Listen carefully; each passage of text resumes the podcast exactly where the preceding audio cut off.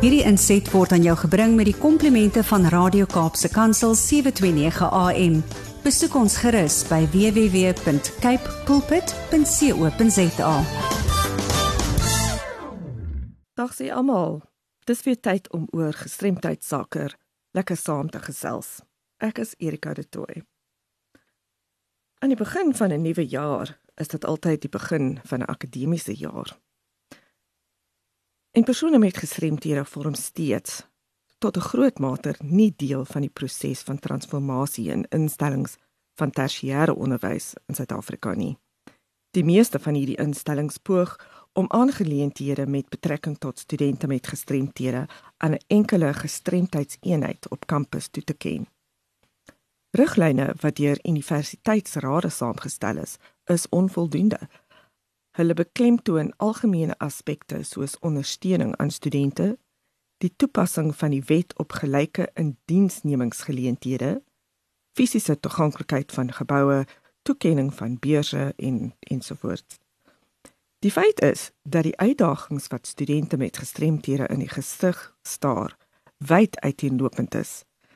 En 'n enkele eenheid kan beslis nie aan al hierdie behoeftes voldoen nie. Gevolglik word doelwitte dikwels nie in praktiese planne van aksie omskep. Rolspelers en gestremde regte aktiviste is van mening dat hierdie saak op 'n baie meer holistiese wyse benader moet word.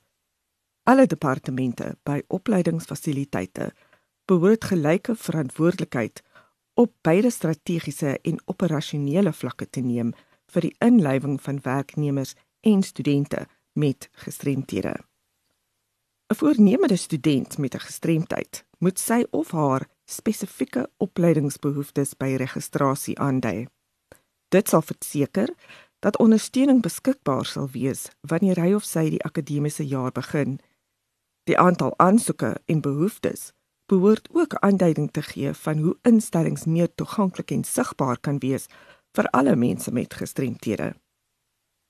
Inrigtings volg dikwels die maklikste roete met betrekking tot die spesifieke onderwysbehoeftes van studente. Die algemene toeganklikheid van opleidingsfasiliteite moet op 'n deurlopende basis geëvalueer word.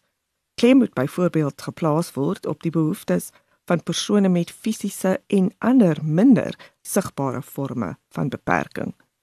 In die verlede is fisiese toeganklikheid oorbeklemtoon. Min aandag is aan die toeganklikheid van inligting en kommunikasie gegee nie. Die afwesigheid van duidelike riglyne is die oorsaak van die totale uitsluiting van mense wat byvoorbeeld uitdagings met spraak ervaar. Betrokkenes moet verseker dat alle verbeterings sowel as nuwe ontwikkelinge heeltemal toeganklik moet wees. Die deelname van nuwensgewende organisasies wat dienste lewer aan persone met gestremthede is van die uiterste belang.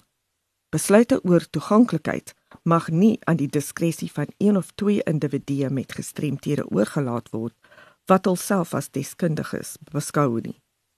'n Database wat persone met gestremthede lys, sal baie waardevol wees vir diegene wat in voor- of nagraadse studies belangstel. Die evaluering en vordering van hierdie studente moet aandui watter kursusse meer toeganklik gemaak moet word en die bemarking en opgradering van studiemateriaal kan landwyd aansienlik verbeter word. Alle studente met gestremthede moet gelyke geleenthede gebied word in die toekenning van studentebeurse en lenings. Die wat reeds al studies voltooi het, behoort by beroepsvoorligting betrokke te wees. Dosente en ondersteunende personeel behoort gereelde sensitiseringssessies by te woon wat deur mense met gestremthede self aangebied moet word. Beheerliggame moet verseker dat die verskillende forme van gestremthede van werknemers duidelik in gelykheidsbeplanning uiteengesit word. Dit sal instellings verhoed om slegs diegene aan te stel wat in 'n mindere mate gestremd is. Riglyne wat gevolg word in keurings, aanstellings en bevorderingsprosesse waarby werknemers betrokke is, moet deursigtig en beskikbaar gestel word. Alle betrokkenes moet volledig ingelog word oor wat in die Wetskrif oor die regte van persone met gestremthede uiteengesit word rakende die insluiting van persone met gestremthede in die gemeenskap. Opleidingsmateriaal moet inligting insluit oor die uitdagings wat deel uitmaak van die lewe met 'n beperking en hoe gestremdheid deur die gemeenskap opgelê word. Kenners stem saam dat hierdie tipe materiaal as aparte modules beskikbaar moet wees of as deel van bestaande kurrikulums geïnkorporeer moet word. Dit sal beslis van onskatbare waarde in studierigtinge soos argitektuur, sosiale ontwikkeling, medisyne, arbeidsterapie en so aan wees. Die vaardigheid en kennis van gemeenskapsgerigte organisasies is uitstekende bronne van inligting vir navorsing, maar dit word nie benut nie.